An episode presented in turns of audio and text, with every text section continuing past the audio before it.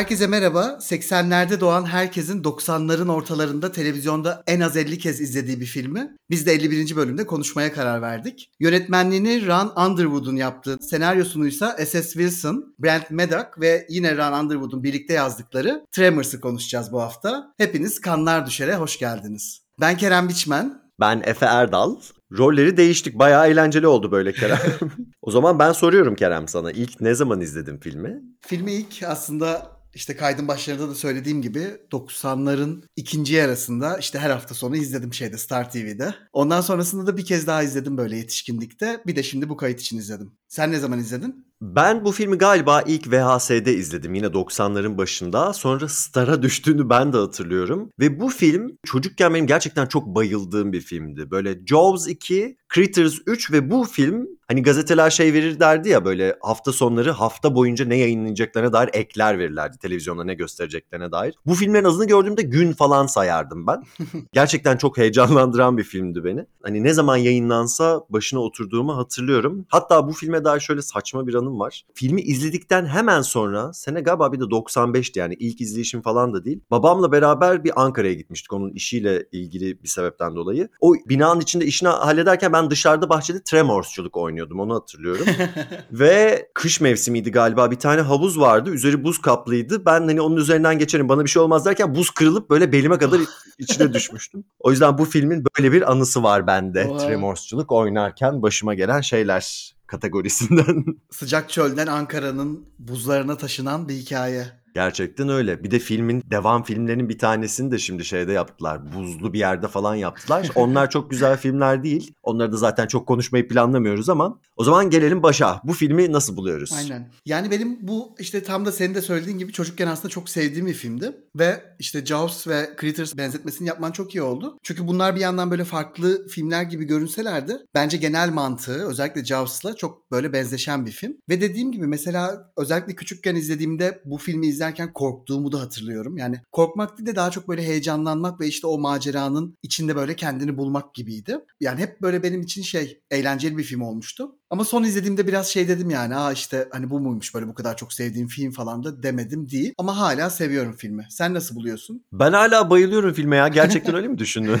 hayır hayır yani şey değil. Şu an sevmediğim anlamında söylemedim ama o zamanki heyecanı yaratacak bir film miymiş ondan emin olamadım. Hmm. Yani böyle aynı duyguları hissedemedim diyeyim. Ya da mesela hissettiğim çoğun aslında nostaljiyle alakalı olduğunu fark edip aa falan dedim. Hani böyle bir farkına varma oluştu. Ya ben bu filmi çocukken izledim ama arada böyle her 5 yılda bir belki de 10 yıl falan olsun birkaç kere izlemişimdir yani tekrar. O yüzden hani böyle çok uzak kaldığım bir film de değil benim yani. Ara ara hakikaten tekrarlıyorum yani bu ritüeli. Çok eğlenceli buluyorum ben filmi. Şimdi mesela korku komedi hibridi değil belli ki. Çünkü korku komedi olunca biraz daha ya kendini bu kadar çok ciddiye almıyor ya o filmler. Biraz daha parodiyeye kayma yatkınlıkları oluyor. Korku komedi değil ama izlemesi çok eğlenceli olan bir film mesela benim için. Zaten ben korku komedilere de çok bayılmam ama işte bu haliyle güzel geliyor bana. Ama tekrarlıyorum zaten bu bir korku komedi değil bence. Bilmiyorum sen ne düşünüyorsun? Ben katılıyorum söylediklerine. Bir de şeye de katılıyorum. Yani çok eğlenceli bir film. Ve zaten daha önce aslında kayıtlarda birkaç kez söyledik işte bazı filmler böyle oluyor. Yani filmdeki tek bir an, tek bir sahne, tek bir diyalog bile boşa harcanmamış oluyor. Bu da onlardan biri yani. Çok iyi, yapısı çok güçlü bir film. Öyle olunca da senin de dediğin gibi yani ne zaman başladı, ne zaman bitti böyle hiç fark etmeden gerçekten akıp giden bir film. Ve ben de eğlendim bu arada yani. Zaten Kevin Bacon'ı izlemeyi her zaman eğlenceli buluyorum. 13. Cuma'dan sonra tekrar konuk etmiş olduk onda. Evet, evet. Ya eğlenceli olmasının yanında heyecanlı da bir film bence bu arada. Yani çocukken de heyecanlanıyordum. Şimdi izlerken gerçekten hani ne olacağını bilmeme rağmen sahnelerin çekilme biçiminden işte oyunculuk, kurgu falan hepsi bir araya gelince hala o etki bana geçiyor mesela. Ben filmin western settingini de çok seviyorum bu arada. Bu film için bir de korku komedi deniyor ama western settinginde geçen ama western hibridi olmayan bir film deniyor. Ben açıkçası buna çok katılmıyorum çünkü ciddi tematik bağları var bence westernlerle. Ama buna belki ilerleyen dakikalarda tekrar geliriz. Burada belki dedim ama bayağı hazırım yani onları konuşmaya. Şimdilik girmeyelim. Biraz daha böyle filmin kendisi neymiş biraz ona bakalım. Başka bir türü işin içine katmadan yani. Bir de tabii filmin en çok bilinen ve konuşulan şeylerden bir tanesi bu 50'lerin canavar filmleri, B-movie'lerin tonuyla benzer bir ton yakalamış olması ve işte onları andıran ve 80 sonu 90 başına uyarlanmış bir versiyonu falan diyebiliriz. Birçok kişi zaten filmi bu tarafından yakalayabiliyor. Bir de bu filmin gün ışığında geçiyor olması bana farklı geliyor bir kere korku filmi içerisinde olduğu için. Hani çok alışık olduğumuz bir durum değil. Her şeyin güneşin altında ve bir çöl ısısında geçiyor olmasın. Ama aynı zamanda etkileyici olduğu için de başarılı buluyorum. Yani hakikaten bu her şeyin kabak gibi ortada olduğu bir filmden gerilim çıkartılabilmesi özellikle böyle bir canavar filminden bayağı başarılı bence. Hatta ilk sahneleri falan korkunç bile değil filmin. Yani açılış ölümü yok. Uzun süre gergin olduğunu anlayacağımız bir durum yok ortada. Hani neyden korkacağız, nedir bu filmin kötüsü vesaire gibi. Karakterleri ve mekanı tanıtmak için zaman harcıyor film. Bu yüzden önemsiyoruz aslında başlarına gelenleri. Hatta yani filmin açılış planından itibaren Kevin Bacon uçurumun kenarından işiyor. Yani geniş plan gösteriyor her tarafı. Coğrafya önemlidir diyor. Yani o dünyaya coğrafyaya yapılan yani ıssızlığa, kuraklığa yapılan bir vurguyla giriyoruz ve ben bütün bu yanlarıyla filmin aslında bayağı başarılı olduğunu düşünüyorum. Kesinlikle katılıyorum. Bir kere hani gün ışığı senin de dediğin gibi çok görmeye alışık olduğumuz bir şey değil. Daha yeni yeni öyle korku filmleri.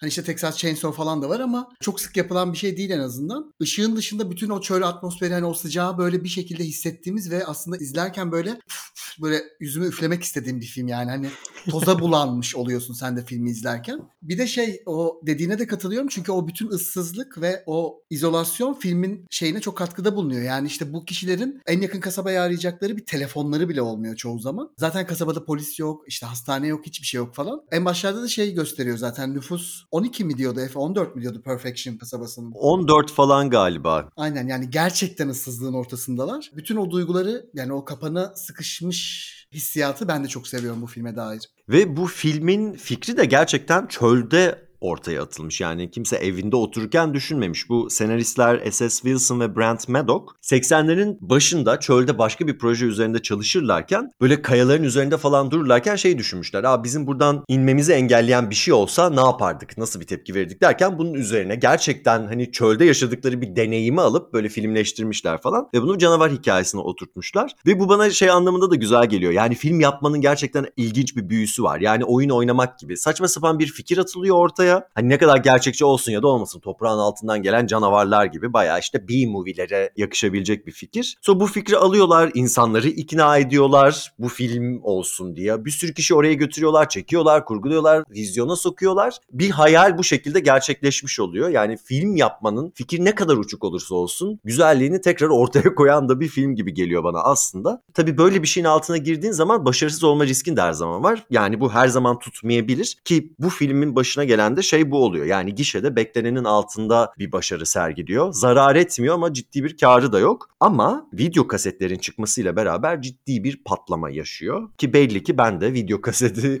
zamanında ailesi kiralamış bir insan olarak bundan nasiplenmişim. Ve bu şekilde de hani neredeyse bir kült filme dönüşüyor. Fikir çok güzel eyvallah hakikaten yani eğlenceli ve senin de dediğin gibi sıkı bir senaryo var ortada. Ve mekan ne kadar önemliyse karakterler de o kadar önemli aslında bu film için. Yani filmin güçlü yanları karakterleri de diyebiliriz. Mesela Val ve Earl karakterleri, başrol ikili başka filmlerde son derece itici olabilecek karakterlerken burada gerçekten bence çok iyi işliyor romance'leri. Kesinlikle öyle. Yani kesinlikle katılıyorum buna. Aslında filmin bütün karakterleriyle ilgili böyle bir durum var. Sadece bir tane ergen bir çocuk var. O birazcık böyle şey. itici ve işte sinir bozucu olabilecek bir karakter. Onun dışında filmdeki neredeyse herkes böyle şey. O silah tutkunu çift bile. Yani karakterlere dair böyle eğlenceli bir şey var sanki. Hani filmi izlerken mesela aralarındaki diyalogları falan bilmem bu son izlediğimde bile bana bir eğlenceli geldi. Dediğin gibi yani iki erkek karakter ve işte bunlar böyle aslında macho olabilecek tipler falan. Ama buna rağmen mesela sevmekten kendimi geri alamıyorum bu filmi izlerken bu karakterleri. Bu çok eğlenceli bir film yani bu sadece karakterlerden dolayı değil. Mesela bu film ölüm sahneleri bile aslında bazıları böyle gerçekten çok iddialı olmasına rağmen sanki bir oyun oynuyormuşuz da oyunda ölmüş gibi hissediyorum o kişi. hani ölmekten çok sobelenmişler gibi oluyor. Yani o yüzden şey kesinlikle çok e, eğlenceli olduğunu düşünüyorum filmin. Bir de hakikaten bu karakterlerin bu kadar çok işliyor olmasının sebebi filmde aylaklığa yani loserlığa bir övgü var. Bu benim çok hoşuma gidiyor gerçekten. Yani yaşadıkları kasaba da öyle zaten. Mesela işte az önce söylediğim örneklerde Jaws'daki mesela sahil kasabası ya da Critters'daki Orta Amerika'nın böyle işte banliyö kasabaları falan huzurlu böyle ideal yaşam alanları ve oraya işte dışarıdan gelen hayatı böyle sarsan bir canavar olur falan ya o konsept yok burada. Yani buranın yaşam alanı zaten hiçliğin ortasında zor koşulları var, ulaşım kısıtlı ve buna hani ciddi bir vurgu var. Yani hikaye aracı, plot device olacak kadar bir vurgu var falan. Ana karakterlerimiz de zaten şeyciler böyle hani hayatta çok ciddi idealleri olan insanlar değil. Ne iş olsa yaparımcılar. Karar verme mekanizmaları taş makas kağıt oyunu üzerine kurulu.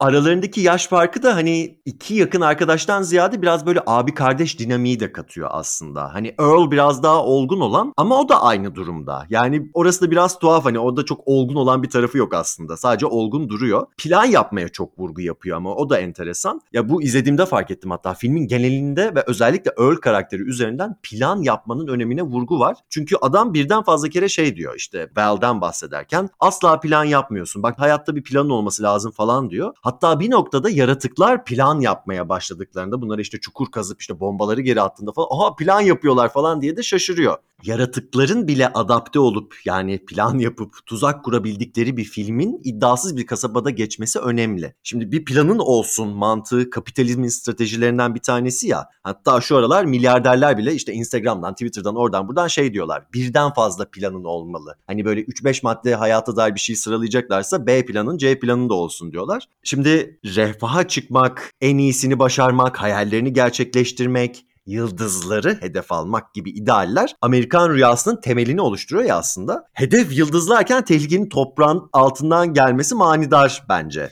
Ama bir yandan da Perfection'da yaşayanlar yani oradaki kasabada yaşayanlar Amerikan rüyasının dikkate bile almadığı tipler. İşte Miguel var Latin Amerikalı, Çin asıllı Cheng var o dükkanı işleten, tek başına çocuk yetiştiren anne var falan böyle. Bir yandan evler zaten derme çatma yani üflesen yıkılacak ya da karavan falan gibi şeyler yani ev bile değiller. Ortada azınlıkların olduğu bir kasaba halkı var hatta işte 13-14 kişi ise mahalle bile diyebiliriz yani buraya. Biz seninle Quiet Place'i konuşurken bir ailenin, çekirdek ailenin elinde silahlarla yaşam alanlarına dadanan canavarları öldürmesinin ne kadar itici olduğundan falan bahsetmiştik. Şimdi aslında benzer konsept burada da var ama karakterler farklı olduğu için bütün bu dinamik bana değişiyormuş gibi geliyor. Bilmiyorum bu filmi mi kayırmaya çalışıyorum ama Burt ve Heather karakterleri mesela tam da senin dediğin gibi beni rahatsız etmediler burada. İlginç buluyorum onları. Hani şimdi normalde silah depolamak, kişisel silahlanma hakkı isteyen insanlar genellikle ırkçılar, sağcılar falan oluyor biliyorsun. Bunlar mesela devlete güvenmiyorlar. Survivalistler bunlar. Hani spektrumun başka bir ucundalar aslında. Paranoyaklar, izoleler. Hani her an dünyanın sonu gelecek gibi yaşıyorlar. Bu da belli ki Amerikan rüyası denilen şeyden son derece uzak bir şey yani. Söylediklerine kesinlikle katılıyorum. Yani bence de burada çok farklı bir şey var. Birincisi hani bu filme göre mesela A Quiet Place çok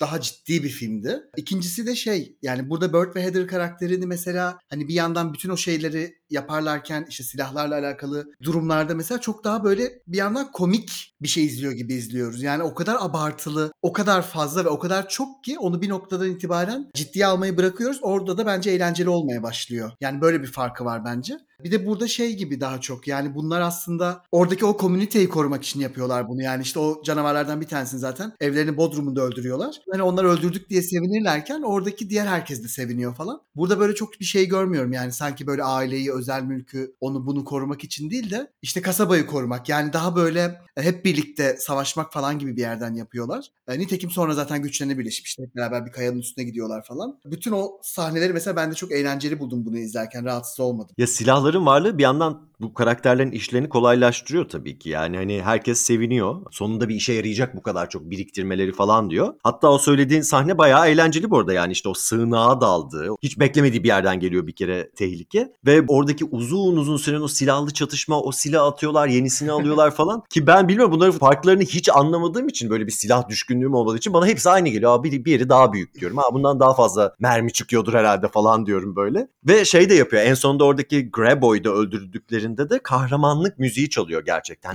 Heather gidiyor kocasına sarılıyor falan ama işte şöyle de bir fark var. Onlarla yenemiyorlar bu arada o silahlarla. Her ne kadar Ogra Boy'du orada öldürmüş olsalar da nihayetinde sonuncusunu işte bombalarla öldürmeye çalışırken başarılı olamıyorlar. Anlık plan yapıyor Val ve uçurumdan uçuyor. Yani bir noktada plan yapmayı öğreniyordu diyebiliriz ama her şey biraz şansa da bırakılmış gibi. Adapte oluyor aslında bu kısmı önemli. Tamam bombaları denediler olmadı. Uçurumun kenarında kaldılar. Hadi kenara çekil. Ya bir anda hayatını kurtarmak için aslında onu öldürmüş oluyor falan. Hatta yani öyle bir yerde oluyor ki filmin başında aynı yerde karakteri işerken görüyorduk. Yani yaratın öldüğü yer de orası. Böyle bir full circle var. Yani öyle büyük planlar işte kendini toprağın altına göm orada bir barınak yap sakla bilmem ne falan filan gibi bir şey değil. Gerçekten aklını çalıştırarak ve adapte olarak tam da karşılığında bu yaratıkların yaptığı gibi. Yani yaratıklar da bir şeyler öğrenmeye başlıyorlar ya bir yerden sonra yemiyorlar bu numaraları falan. Hatta kendileri onlara tuzak kurmaya başlıyorlar falan. Böyle bir dünya yaratmış bize. Karakterimiz de nihayetinde bu dünyanın kurallarına adapte olarak herkesi kurtarabiliyor. Tabii bir anda filmin sonuna geldik ya bir saniye daha başlardayız. Vış vış hemen video kaseti başa sarıyoruz. Mesela Ronda karakteri bu ikiliye güzel bir ekleme oluyor gerçekten filmin içine girmesiyle. Ve filme girişi de son derece anti-climax aslında. Bir noktada da Val'in yarattığı beklentiden dolayı. Koca memeli işte sarışın bilmem ne falan bir kadın göreceğiz derken gerçekten Bermuda şortuyla burnunda kremli son derece iddiasız bir giriş yapıyor filme. Gerçi filmin ilerleyen sahnelerinde iç çamaşırıyla çatışmanın ortasında bırakarak baştaki beklentiyi biraz gerçekleştiriyor ama orada bile bir muzur yanı var filmin gerçekten. Oraları da eğlenceli. Ama genel olarak kadın karakterler zaten başarılı bence bu filmde. Kesinlikle katılıyorum. Yani bence hepsi başarılı. Ronda da benim özel olarak çok sevdiğim bir karakter bu filmde. Çünkü tamamen tatlı bir karakter yani ve zeki ve işte kapasiteleri var. Donanımlı. İşte filmde gördüğümüz mesela o diğer erkekle Ronda arasındaki zıtlık bence çok güzel verilmiş. Çünkü bir yandan filmdeki işte aklın, mantığın, bilimin sesinin bir kadın karakter olması da bence son derece etkileyici. Ve dediğim gibi yani aslında en başta işte ilk Graboid öldüğünde Aa, bunlardan toplam dört tane var diyen de o oluyor. Böyle her şeyle benim çok sevdiğim bir karakter ve çok güzel bir ilave bence filme. Kesinlikle öyle. Bir de şey sahnesi de çok güzel. Tam da bu söylediğin şeyleri ön plana çıkarmak için. Bunlar kayanın üzerinde hapis kaldıklarında adamlar tartışıyor. Şöyle mi yapsak böyle mi yapsak? Ron da kendini bir iki anlatmaya çalışıyor. Baktı giremiyor aralarına. Onlar tartışmaya devam ederken uğraşmıyor anlatmakla. Aklındaki planı gerçekleştiriyor. İşte o sırıkları tutup kayadan kayaya atlama meselesi. Burada bir mansplaining durumu bile yok. Bu denkleme kendisini hiç koymuyor ve Tamam diyor sizi dinlemeyeceğim ben ne yapacaksam onu yapacağım diyor. İşte hem bu tip planları yapıyor olması hem cesaretli bir karakter olması işte koşup o su deposuna çıkması ve suyu akıtarak yaratığı kendisine çekmeye çalışması kaç tane olduğunu fark etmesi falan gibi meseleleri bu karaktere aktarmış olmaları yani bu karakterin o rolleri üstlenmiş olması bence güzel. Kesinlikle ve mesela o sırıkla atladıkları sahneyi ben çok seviyorum. Uzaktan bir plan var orada böyle şey Hepsi şöyle dıt dıt diye diğerine geçiyorlar falan. İnanılmaz eğlenceli buluyorum. Başlarda da söylemiştin işte Critters ya da Jaws'a benzemekle birlikte. Bu filmde ben mesela böyle birazcık sanki Jurassic Park şeyi bile görüyorum. Yani aşırı uzaktan. Hani öyle bir DNA da var gibi mesela işte büyük şeyler. E, senin peşindeler. işte bilim var falan. Kaçıyorsun ve bir oyun oynuyorsun gibi böyle sürekli. Hatta ve hatta mesela bu sırıkla atlanan sahne işte su kulesine tırmanıp bu küçük oyunlar bir noktada şeye bile benziyor Efe. Sanki böyle Goonies şeyde var gibi bu filmde. Çünkü hep bir oyun var bu filmde yani. Hep böyle bir eğlenceli bir şey var. O tamamının ruhunu böyle küçük küçük küçük taşıyor gibi bu film. Yo gerçekten bak Goonies tarafını düşünmemiştim ama Jurassic Park'a ben de benzetiyordum. Bu üçlü bana zaten Jurassic Park karakterleri gibi geliyor. Yani kostümlerden kaynaklanan bir benzerlik de olabilir ama hani şimdi yeni filmde de bir araya gelen Sam Neill, Jeff Goldblum, Laura Dern üçlüsünün hani bu filmdeki farklı bir uyarlaması gibi. Tabii Ronda bilimle uğraştığı için kasabadaki herkes onun açıklamasını istiyor. Nereden geldi, ne işe yarıyor, nasıl böyle saldırıyor falan gibi. Ama titreşime ya da sese geldiklerini Val karakteri çözüyor. Ronda bir yere kadar aslında bilim tarafını şey yapıyor. Val de düşündüğümüz kadar boş bir karakter değil. Evet bilimsel olarak açıklamıyor ama akıl yürüterek 2 artı 2 4'tür gibi küçük bir sağlamayla gerçekten bunu bulabiliyor. Ama zaten hikaye bence Val'in istemeye istemeye kahraman olması üzerine. Reluctant hero diye bir şey vardır ya istemez hani sorumluluk almak istemez. Kahramanlık yapmak hiç istemez ama bir noktadan sonra kendini bunların içinde bulur. İşte bu küçük kız Mindy'yi kurtarıyor yaratığı duymadan işte zıplarken o pogo stick'in üzerinde. Mesela buldozere koşmalar için Earl'le taş makas kağıt yapıyorlar. Kendisi koşuyor kazanmasına rağmen. Ki eskiden kazanan kişi aslında o işi yapmak istemezdi ve kaybeden zorlu işi yapardı falan. Burada bile karakter aslında değişmeye başlıyor. Ve bütün bunları ne eğlencesinden ne de yakışıklılığından hiçbir şey kaybetmeden yapıyor.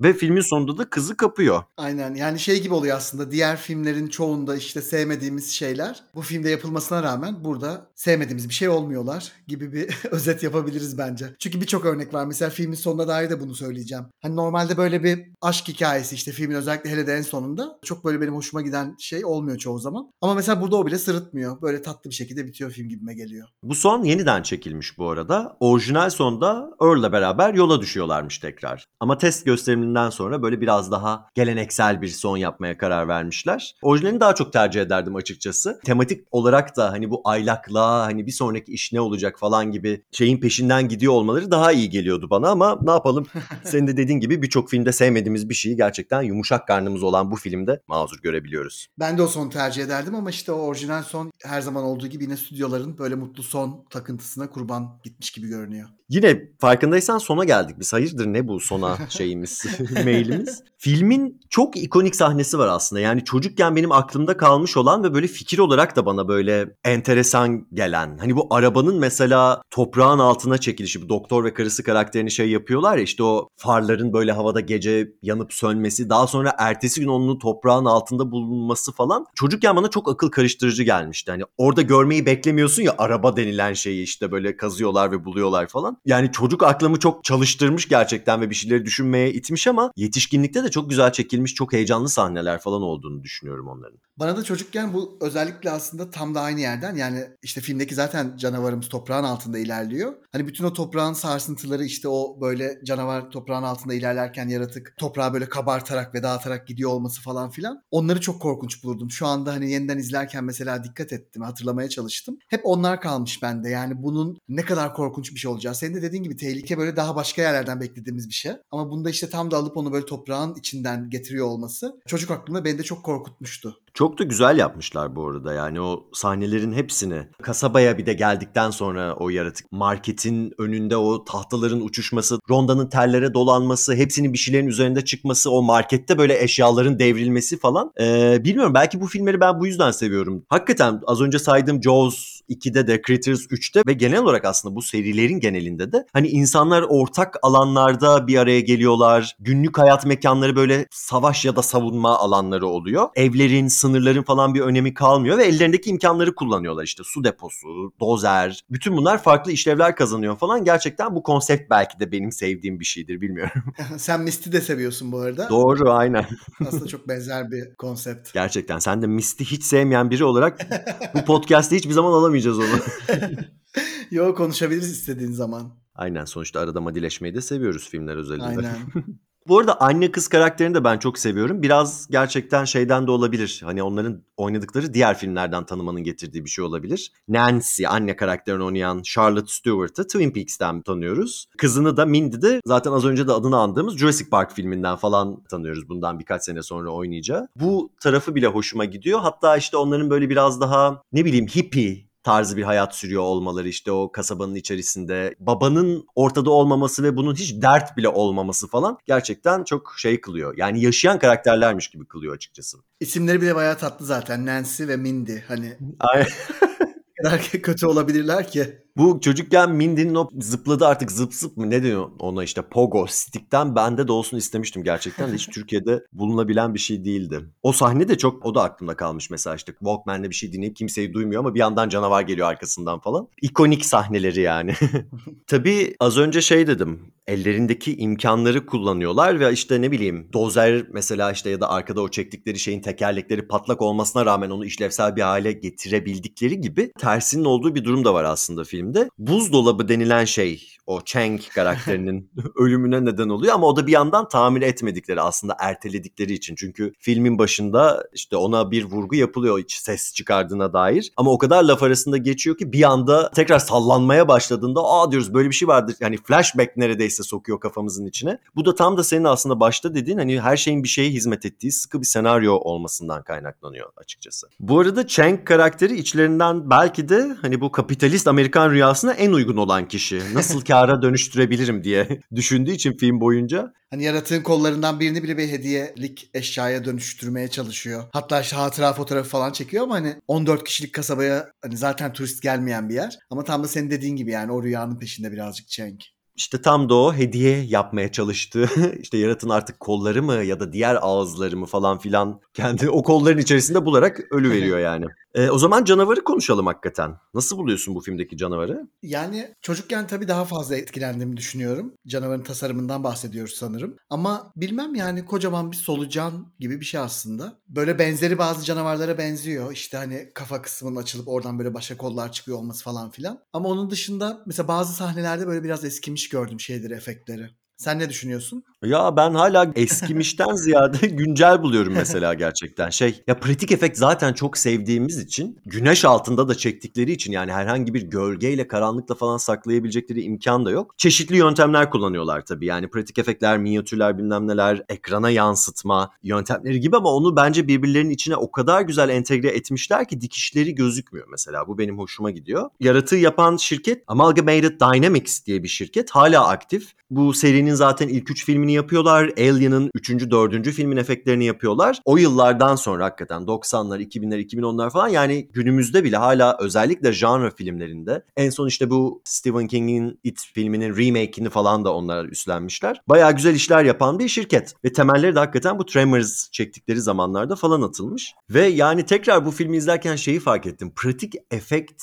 meselesi o kadar güzel bir şey ki yani bir noktada hatta şeye heyecanlandım lan gidip bunu mu yapmayı denesem, bunu mu öğrensem falan gibi böyle bir fikir düştü içime. Gerçi şu aralar filmlerin birçoğunda neredeyse her şey CGI'ye dönmüş durumda ama hani olduğu durumda bile işte onların workshoplarını izlemek, atölyelerine dahil olmak falan isterdim açıkçası. Bu sektörün içerisinde yapılabilecek en eğlenceli işlerden bir tanesi gibi geliyor ki film çekmek aslında daha çok işte zaman yönetimini güzel yapmak falan filan gibi daha böyle işlevsel, pratik bir şeydir. Hani işin tırnak içerisinde sanat tarafı belli başlı departmanların ve o departman başlarına emanet gibidir. Ama işte bu mesela pratik efekt meselesi gerçekten hani işin tamamen böyle sanat, zanaat her şey var işin içerisinde. Yaratıcılığını deli gibi konuşturabileceğim bir şey. Bu filmde de hala bana işliyormuş gibi geliyor. Sen nereleri eskimiş buldun? Özellikle bu Burt ve Heather'ın işte Bodrum'una girdiği sahnede falan böyle birazcık şey gördüm orada artık yani çok hani gerçekçi olmasını beklemiyorum pratik efektlerden ama böyle birazcık sanki diğer sahnelere göre böyle biraz daha şeydi. Bir de hani canavarın tam olarak ortaya çıktığı bir sahne ya o. Yani bir yerinde Evet. işte sadece başını görüyorsun işte tentacle'larını ağız neyse artık onlar onları görüyorsun falan. Burada gerçekten duvarı delip ortaya çıkıyor.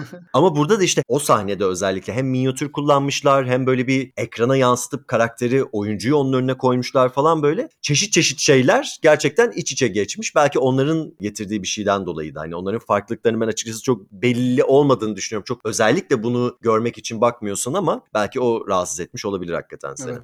Yani yanlış anlaşılmasın hani ben de hala seviyorum ve izlemek hala çok keyifli. Ama çocukken izlediğimdeki yaratıklar değil bunlar artık. Çünkü ben aynı kişi değilim. Büyük ihtimalle bu yüzden. Olabilir sahiden de. Ve ben hani bu canavarların tasarımını geç fikrini de çok güzel buluyorum. Yani güzel bir korku filmi meselesi bu. Hani görünmeyen ama hemen altından gelen bir tehlike var mesela. Bir de şimdi IMDB'de falan filmin adı şey diye geçiyor. Yeraltı canavarı falan gibi bir şey demişler ama ben bu filmi ilk izlediğimde Toprağın Lanetiydi bu film. Yani VHS'ye öyle çıkmıştı ve televizyonlarda da o isimle gösteriliyordu. O yüzden Toprağın Laneti gibi bir şey olması da bana mistik bir anlam da katıyordu aslında. Böyle toprağın ha lanet işte alttan geliyor falan gibi. Hani film hiç o taraflara hele ki Supernatural gibi bir şeye hiç bağlamıyor ama dediğim gibi tekrar çocukluk anılarımızdan çok bağımsız düşünülemeyecek filmler ya bunlar. Benim kafamda bir takım ampuller yakıyordu. Sarsıntı adıyla da aslında bir ara çıkmıştı. Dolayısıyla film hani her 3 yılda bir, bir isim değişikliğine maruz kalmış anlaşılan. Sarsıntıyı bilmiyordum bak. O da Evet. tam anlamıyla literal çeviri yapmışlar Evet. yani birebir. ben toprağın laneti bilmiyorum. Yine nostaljisine mi sevdiğim için ama içlerinden bence en korku filmi adı gibi olan geliyor yani. Şey de güzel. Nereden geldiğinin bilinmemesi de güzel bu arada bu canavara dair. Beyin fırtınası yaptıkları sahneler aynı zamanda yazarların kendi beyin fırtınası süreçleriymiş. Hani devlete olan güvensizlikten bahsediyorlar bir noktada. Hani kesin devlet yapmıştır Ruslarla savaşmak için diyorlar. Uzaydan mı geldi, tarih öncesinden beri burada mıydı falan böyle. Bir noktada hatta radyasyon sebebiyle mi derken tam da bu işte 50'lerdeki canavar filmlerine de göz kırpıyorlar. Sence ne bu yaratıkların kaynağı? Ya onu bu filmde öğrenmiyoruz aslında. Çok fazla konuşmuyorlardı bunun üzerine. İşte Ronda'dan sadece birkaç şey duyuyoruz. İşte bak bu dışındaki yüzgeç gibi olan şeyler sayesinde işte hızlı gidiyor falan gibi bir açıklama. Onun dışında hani nereden geldiklerine dair hiçbir şey öğrenmiyoruz. O yüzden bilemiyorum. Yani film söylemiyor. Benim de bir tahminim yok. Devam filmlerini de izlemedim. Oralarda birazcık açıklanıyormuş sanırım. Dördüncü film tam da bu işte western döneminde geçtiği için hani o zamandan beri var belli ki hakikaten insanlık öncesi bir şey. Ya benim çıkarımım sanki hep buradalardı da bir şekilde aktive oldular falan gibi yani. Sen şeyleri okumuş muydun bu Frank Herbert'ın Dune serisini? Okumadım hayır. Filmlerini izledim. İşte o filmde de gözüken aslında sandwormlar kitaplar için de çok önemlidir. Biraz onları da hatırlatıyor Evet, tabii. İster evet. istemez. Ve şey de var tabii. Jaws formülü de var burada. Yani işte önce az göster, önce yüzgeci göster, bakış açısını göster. Daha sonrasında işte kendisini tamamen göster. Yani hem aslında efektleri biraz gizlemek için hem de hani filmdeki gerilimi yavaş yavaş arttırmak için yapılıyor bu. Hani önce biz küçük solucanlar ya da yılanlar artık neyse o onları görüyoruz. Hatta ayrı ayrı zannediyoruz onları. Karakterler de öyle zannediyor ama meğerse bütünmüş o küçük şeyler. Büyük bir şeye aitlermiş falan. Hani bu reveal'ın böyle ağır ağır alttan alttan geliyor olması hoşuma gidiyor. Bir anda böyle koca bir canavarla yüzleşiyoruz hissini yaratmadan. Zaten finalinde artık bütün halde uçurumdan düşerken hani önünü arkasını tüm tamamını görüyoruz. İçini dışını bir de yerde de patladıktan sonra. O zaman gelelim filmin western türüyle olan bağlarına. Ama önce bir sana sorayım. Sen seviyor musun burada westernleri? Yani westernler yok çok fanı değilim açıkçası ama bu filmde de ben western'e dair öğeleri görebiliyorum. Yani işte geçtiği mekan, renk kullanımı, genel renk paleti, bütün o tozlar, güneş falan filan dışında iki tane erkek karakterin aslında yan yana ve birlikte olmaları ve böyle şey birlikte mücadele ediyor olmaları falan bana böyle westernleri bayağı anımsatıyor. Sen hangi bakımlardan benzetiyorsun? Şimdi westernler nihayetinde frontier hikayeleri ya yani gerçek hayatta da yaşanmış olan bir şeyin hikayeleşmiş versiyonları. Frontier denilen şey de hakikaten Amerika'nın doğusundan başlayıp batısına kadar göç edip göç ettikleri yerde de işgal ettikleri, işte katlettikleri, yerinden ettikleri koca bir halk var ortada falan. Yani frontier meselesi gerçek hayatta bu zaten. Yani sürekli doğunun batıya böyle demir yolu ya da telgraf, melgraf falan gibi o dönemin teknolojik aletlerini, sanayisini falan getirerek orayı katletmeleri aslında. Western filmlerde buradaki yani frontier kasabalarındaki çatışmaları anlatıyor. Ve westernlerde hakikaten demir yoluna falan bu kadar çok vurgu yapılıyor olması hem sanayinin ama aynı zamanda hareket edebilmenin önemine de vurgu olduğu için. O sınır yani sürekli genişleyen bir şey. Yani ne kadar itersen hani batısına gelene kadar, batı kıyısına gelene kadar gidilmesi gereken, keşfedilmesi gereken koca bir toprak var. Aynı şekilde katledilmesi gereken de bir toprak var tabii o bakış açısına göre. Bir de western filmlerde işte bir yalnız kovboy karakteri vardır. Bu artık dilimize de geçmiş bir tabir. Olayı çözer ama gri alandadır. Yani tamamen böyle iyi adamdır diyemeyiz. Genellikle toplumun çok içinde olan biri değildir böyle hani o da aslında marjinal bir karakterdir. Ve filmin sonunda da genellikle uzaklaşır. O da böyle kendi coğrafyasına doğru. Hani Red Kit çizgi filmin sonunda gördüğümüz imge aslında yani. Ve bu söylediklerimde bile aslında bu filme uyan taraflar olduğu hani aklınızda şey olmuştur yani canlanmıştır. Bir kere kovboy karakteri diyeceğimiz bir karakter varsa ilk başta kostümüyle zaten Bell karakteri böyle yani ona bir şapkayı takmışlar. Ama Earl da var mesela. Burada hani ikiye bölünmüş gibi o eski westernlerdeki kovboy karakteri. Yani 90'ların başına gelindiğinde artık bu işi yapar hale gelmişler. Ki orijinal kovboylar da aslında yani filmlerde biraz daha kahraman insanlar ama hani gerçek hayattaki kovboylar daha çok böyle çoban olan, çiftlik işleri falan yapan insanlar. O yüzden buradaki haline de uyuyor bunların. Drifter denilen şeyler kovboylar zaten işte avare, aylak maylak falan. Ya tam bu iki karakterimize çok uyuyor bu. Modern kovboylar yani bunlar. Hatta yani western filmlerdeki kahraman olan kovboy artık 80'lere gelindiğinde yerini başka bir kahramanı bırakmış durumda. O da Rambo karakteri. O da Vietnam kahramanı ya. Yani Amerikan yerleri yetmemiş, bulundukları coğrafyaya saldırdıkları yetmemiş gibi aynı zamanda savaşı başka bir yere götürmüşler. Frontier denilen şey artık coğrafyanın kendisinden de kopuk. E, hatta filmde bir noktada Burt karakterine de Rambo diyorlar. Yani dalga geçmek amaçlı söylüyorlar aslında bunu ama hani film kahramanlık mefhumunun ne olduğuna dair de bir şeyler söylüyor. Hani eskiden neydi? Kovboyluk şimdi neye evrildi ve şimdi asıl kahraman olarak görülen şey nedir ve o da nasıl parodiye dönüşmüş durumdadır falan gibi. Gerçi ben Burt'un Rambo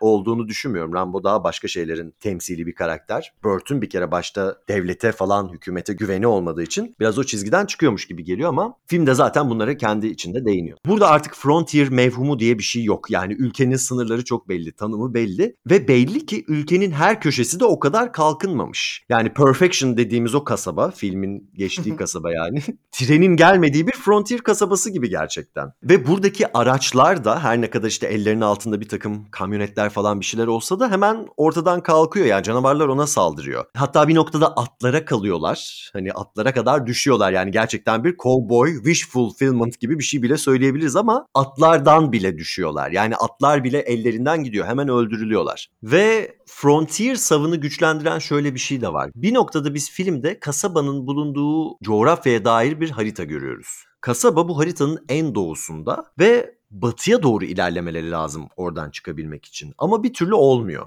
Hatta filmin başlarına gelelim daha yaratıklar bile ortada yokken Earl ve Val oradan çıkmaya çalıştıkça cesetlerle katliamlarla falan karşılaşıyorlar işte. Sürekli birilerinin cesedini buluyorlar işte orada kuzular yenmiş, koyunlar yenmiş onları buluyorlar falan. Bu biraz şey de gibi yani hani öncülerin peşinden giden yerleşimcilerin Frontier zamanındaki karşılaştığı korkunç tablo gibi. Yani öncekiler gitmiş katliam yapmış arkasından gittikçe de bunları görüyoruz gibi. Bir noktada karakterler hep birliktelerken şey de diyor zaten bir tanesi. İşte kuzeyde dağlar var, güneyde nehir var falan gibi. Bu da mesela westernlerde çok sık karşılaştığımız bir şey. Yani doğanın aslında o harekete böyle bir noktada izin vermiyor oluşu ya da hareket etmeyi zorlaştırıyor olması fikri. Gerçekten öyle. Val ve Earl'ün zaten kasabadan gidememesi başta bir lanet gibi. Neredeyse hani bildiğimiz anlamda lanet gibi. Earl hatta bir noktada şey diyor hani sanki bir güç gitmemizi istemiyormuş falan gibi. Hani filmde dedim ya biraz loser'la, aylaklığa falan övgü var diye. Biraz da bu taraflarından aslında. Yani onlar kaçmaya çalıştıkça bir şey onları burada tutuyor. Ve burada kalarak zaten işte kendilerini gerçekleştirebiliyorlar. Yani o canavarlar onları tutmasaydı kasaba kasaba gezip yine karşılarına ne iş çıkarlarsa onu yapacaklardı. Ama burada hakikaten işte bir community için çalışmanın ne olduğunu öğreniyorlar. İşte severiz ya da sevmeyiz kahramanlığın ne olduğunu öğreniyorlar. İşte kısa da olsa plan yapmayı öğreniyorlar falan gibi. Hani kendilerini gerçekleştirmeyi sağlayan şeyin aslında bu loser kasabayı savunmak olması. Yani bu burada loser gerçekten çok sevgiyle söylüyorum. Hiç aşağılayıcı bir yerden söylemiyorum. Kapitalizmin karşısına koyulmuş bir yaşam tarzı da olduğu için zaten. Tabi bu yaratıkların ilk kurbanlarının kim oldukları da önemli. Yani işte koyun güden bir adamın olması, yeni ev kuran doktor ve karısının olması, bir de bu karakterlerin üçünün de işte görece yaşlı olmaları. Keza o yukarıda asılı kalmış olan elektrik direğindeki adam da aynı şekilde. Şimdi bu gerçek hayattaki Frontier döneminde Buffalo katliamı diye bir şey var 1800'lerin sonunda. Amerikan yerlilerinin yaşam kaynağı olan ve neredeyse kıta boyunca 10 milyona yakın sayıdaki Buffalo'ların yüzlere falan düşürüyor getiriyorlar. Yani 500 tane falan kalıyor gerçekten. Beyaz insanın yaptığı böyle bir şey var. Ve kendi hayvanlarını getiriyorlar. Koyunlarını getiriyorlar falan. Yani kendi sistemlerini kuruyorlar aslında. Hem biraz onun intikamı da gibi aslında bu yaratıkların yaptığı şey. Ama bir noktada da o görüntüyü de anımsatıyor. Bir sürü işte koyunun parçalanıp öldürülmüş olması. Aynı şekilde mesela doktor ve karısı yeni ev kuruyorlar mesela. Hani yerleşimci gibiler. Ve tam olarak filmin içerisinde şöyle replikleri de var. İşte kafamızın üstünde çatımız olsun falan gibi. Hani çatıyı yapsak mı yapmasak mı aman yıldızlar ne güzel falan gibi. O dönem boş bir coğrafyaya gelmiş olan insanların barınabilecekleri ve bütün insanları sürebilmeyi kendilerinde hak görmelerinin falan bütün düşüncelerini aslında biraz da yansıtıyor. Ama tabii bu canavarlara Amerikan yerlilerinin bir analojisidir demek hani en iyi ihtimalle haksız en kötü ihtimalle ırkçılık olur ama şey gibi biraz hani coğrafyanın, toprağın kendisinin intikamı gibi. Hatta yani buradan tutarsak toprağın laneti adı bile burada daha mantıklı oturuyor gerçekten. Şeyi de konuşuyoruz aslında hani bastırılanın geri dönüşü gibi meseleyi. Hatta bu durumda neredeyse literally ne ekersen onu biçersinin karşılığı gibi. Ya bütün bu söylemler zaten toprak konseptine de çok uygun. Ve şeye falan da değil mesela ne bileyim daha büyük bir kasabaya falan saldırmıyor. Yine çölde geçebilirdi ama yine başka yerlerde görebilirdik. Toplumun marjinallerine saldıran bir canavar var ortada. Evlere hapsediliyorlar, işte evlerine giriliyor, evleri yıkılıyor falan. Hatta karavanda yaşayan bir karakter var içlerinde Nestor. O hemen ölüyor. Kolay lokma çünkü temeli yok falan gibi böyle. Böyle bakınca sistemin kendisi yutuyor bile diyebiliriz aslında. Amerika'nın ya da kendisini inşa ettiği sistemin böyle temeller üzerine kurulmuş olduğunu falan bile söyleyebiliriz yani. Hatta bir noktada filmin en sonuna doğru bütün bu karakterler bir kayalıkta sıkışıyorlar hep beraber. Bütün kasaba. Bu şeye de benziyor. Yani bütün o Amerikan yerlisi halkın yaşam alanlarından sürülüp reservation denilen yerlere hapsedilmeleri. Siz sadece buralarda yaşayabilirsiniz denmesi gibi bir benzerlikte kurabiliriz. Aslında bir noktada da beyaz insan onlara yaptığı şeyin kendisine yapıldığına tanıklık ediyor bu filmde ama dediğim gibi yani yine tutunamayanlara saldırılmış gibi durumda. Hani büyük insanlara bir şey olmuyor burada gerçekten. Temeli sağlam olmayan insanların yıkılması çok daha kolay deniyor. Amerika denilen aslında bildiğimiz anlamda hani kapitalizm denilen sistem içerisinde bütün dünyayı çok kolay entegre edebiliriz. Yani bu filmin Konya'da geçmemesi için hiçbir sebep yok. ve nihayetinde kendilerini baskılayan şeyi yok edince de özgürleşiyor bir insanlar. Yani çok net siyah beyaz bir söylemi varmış gibi durmuyor bu filmin. Çünkü az önce söylediklerim içerisinde bile bir tutarsızlıklar vardı ama hani buralardan bakıldığında da bir şeyler çaktırıyorsa kafamda hani bir takım şeyleri düşünmeye sevk ediyorsa beni bu eğlenceli ve hani çoğu insanın boş diyebileceği bir film bile son derece anlamlı bir hale gelebiliyor aslında. Ama hadi bütün bunlar bir yana. Sen seriyi izlemedim dedin değil mi? Yani ben izlemedim. Eğlenceli bir film ya. Ne yazık ki seri o kadar eğlenceli değil ya. Ben ilk üç filmi izledim. Dörde de şöyle bir bakmıştım. Bir tane dizisi var 2000'lerin başında yapılmış. Ona da şöyle bir bakmıştım. Tutmaz dedim. Kevin Bacon birkaç sene önce bu arada yıllarca bu filmi reddetmiş olsa da kariyerimi bitiren bir filmdi diye. Yani hani filmin zaten hikayesini sevmemiş. Daha sonra gişede başarılı olmadığı durumda da hoşuna gitmemiş. Birkaç sene önce filmi kabullendiği yetmediği gibi yeni bir pilot çekmişti. Yeni bir televizyon dizisi için. Val karakteri geri dönüyor işte Perfection'a. Tutmamış ama yani bir şekilde hiçbir kanal seçmemiş pilot bölümü ve diziye de dönüşmedi nihayetinde. Ama galiba 7. mi 8. bölüme falan geldi galiba bu seri. Artık sonlara doğru zaten Zaman yolculuğu falan herhalde en son. Zaman yolculuğu değil aslında. Yani prequel gibi hani ilk hikayeyi anlatıyor. Zamanda seyirci olarak biz yolculuk yapıyoruz. Karakterler en azından yapmıyor da. Orada mesela Burt ana karakter bu arada. Yani ikinci filmde mesela Earl ana karakter. Val yok. Tabii şöyle bir şey de var ikinci filmde. Aylaklığa övgü falan dedim ama işte bu filmden sonra ünlü olmuşlar. Dergileri kapaklarına falan çıkmışlar böyle. Ama şey de güzel paraları bitmiş. Yani bunları da güzel şeye yatıramamışlar gerçekten. Earl'ü mesela ikinci filmde yine sersefil ve bu canavarların peşinden bu sefer Afrika'ya mı gidiyordu, Meksika'ya mı gidiyordu? Orada bir yere gidiyordu. Ya Afrika'ya gidiyordu, Meksika'da çekmişler ya da tam tersiydi. Yani o yüzden aklımda böyle karışmış. Ama bütün filmlerde iki de dahil olmak üzere Burt karakteri tekrar var ve üçüncü filmden itibaren Burt zaten ana karakter oluyor. Hatta bu filmde senin o söylediğin uyuz çocuk var ya Melvin. Büyümüş kasabayı satmaya çalışıyor böyle iş adamı olmuş. Sisteme çok iyi adapte olmuş gerçekten. Başta da dediğim gibi serinin yaptığı en güzel şeylerden bir tanesi kendisi bir franchise hale gelirken bu canavarların da filmin içerisinde bir franchise hale gelmiş olması. İşte filmin içerisinde şey görüyoruz o kasaba artık böyle bununla ünlenmiş. Perfection'da işte insanlar graboid deneyimi yaşamaya geliyorlar. Pinball machine'ler var, bardakları var böyle üzerinde graboid desenleri olan çizgi romanları yazılmış çıkmış falan böyle. Hani kasabada bir noktada kâra dökmeye çalışmış bunu. Cheng'in torunu işletiyor bu sefer dükkanı falan başka bir kadın.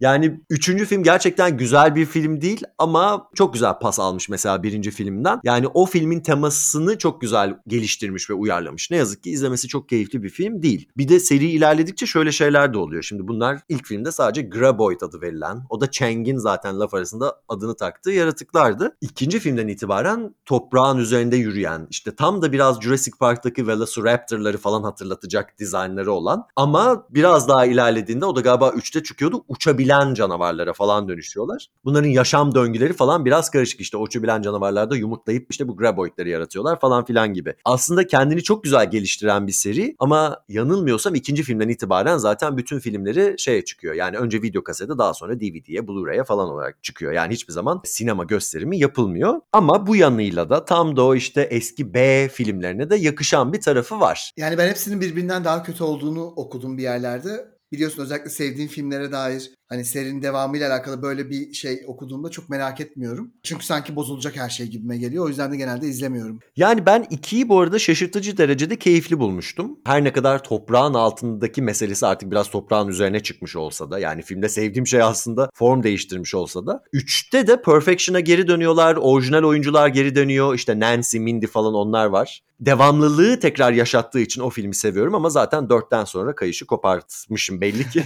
ben de çok umursamamışım yani. İnternette özet videoları var aslında. Arada biraz onlara bakılabilir yani çok merak ediyorsam ama onu bile merak etmiyorum. Bir noktada şey geldi bu seriye. Randy geldi Scream'deki Jamie Kennedy. Aa bilmiyordum. Aynen. Böyle işte yani belli ki seri büyüdükçe iş de büyüyor. Canavarlar da büyüyor. İşte olay dünyanın başka yerlerine taşınıyor falan. Enteresan yani keşke daha izlenebilir filmler olsaydı. Benim çok tercih ettiğim bir seri haline gelmedi nihayetinde. Evet bizim bu filme dair söyleyeceklerimiz bu kadar. Dinlediğiniz için teşekkür ederiz. Bir sonraki bölümde görüşmek üzere.